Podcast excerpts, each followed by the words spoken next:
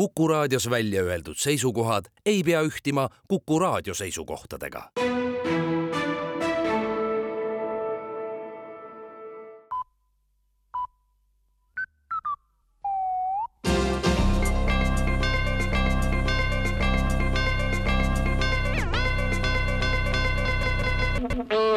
tere kuulama, uudised eetris ja stuudios Rohke Debelak täna kell üks öösel hakkas tööle Toompea lossi valve signalisatsioon ja kohale saabunud operatiivtöötajad avastasid hoone läbivaatamise käigus, et keegi oli jälle põhiseaduse kallal käinud põhiseadus oli alles, aga näha oli, et seda oli siit-sealt näperdatud, püütud seda vistiti muuta või midagi juurde panna. samas oli jälgi, nagu oleks tahetud midagi ka ära võtta. viimaste kuude jooksul pole politsei sõnul olnud ühtegi sellist nädalat, kui põhiseadus oleks saanud päris rahulikult olla. kui olukord ei parane, tuleb põhiseadus viia ohutumasse kohta. igaks juhuks viiakse läbi ka ekspertiis, et olla kindel, kas tegemist on päris põhiseadusega või on see juba asendatud ammu odava koopiaga tervisekassa aga teatab, et lõpetab kokkuhoiu tõttu alates järgmisest nädalast viirusnakkustesse haigestunud inimestele haigushüvitise maksmise ja läheb üle uuele kompenseerimise korrale, mille kohaselt ei maksa haigestunud inimesele haigushüvitist mitte tööandja või Tervisekassa, vaid just see inimene, kes haigestunud inimesele nakkuse andis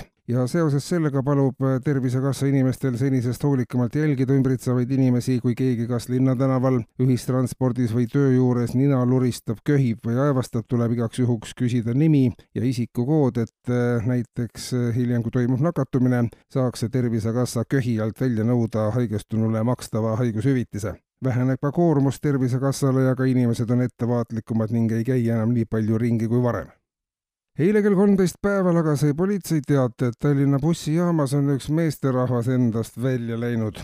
pealtnägijate sõnul ootas mees bussi juba kolmandat tundi, läks ootamatult endast täiesti välja, nööpis esmalt lahti palitu, viskas seljast pintsaku ja pluusi, võttis seejärel lahti kõhulööbid ja läkski endast välja, pärast mida suundus joostes Tartu suunas sündmus viis enamiku pealtnägijatest omakorda endast välja ja kohapeal leidiski politsei enam kui sada endast välja läinud inimese kesta.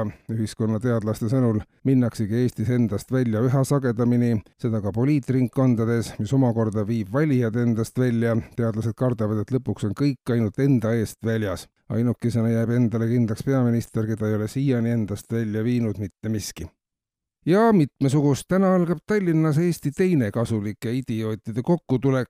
toimub ka seminar, kus arutatakse, millega idioodid saaksid kasulikud olla, sest vaatamata sellele, et järjest sagedamini üht või teist inimest kasulikuks idioodiks nimetatakse, ei ole suurem osa sellise tiitli pälvinutest ise aru saanud, millega ja kellele nad kasulikud on. samuti ei ole selge, millega eristub kasulik idioot lihtsalt kasulikust inimesest. kui mõlemad on kasulikud, aga üks on sellele vaatamata idioot, siis peaks selge olema, kus on on vahe. aga selge see ei ole, kas idioot on see, kes on ainult teistele kasulik või ainult enesele kasulikud inimesed ei ole idioodid, küsimusi on palju.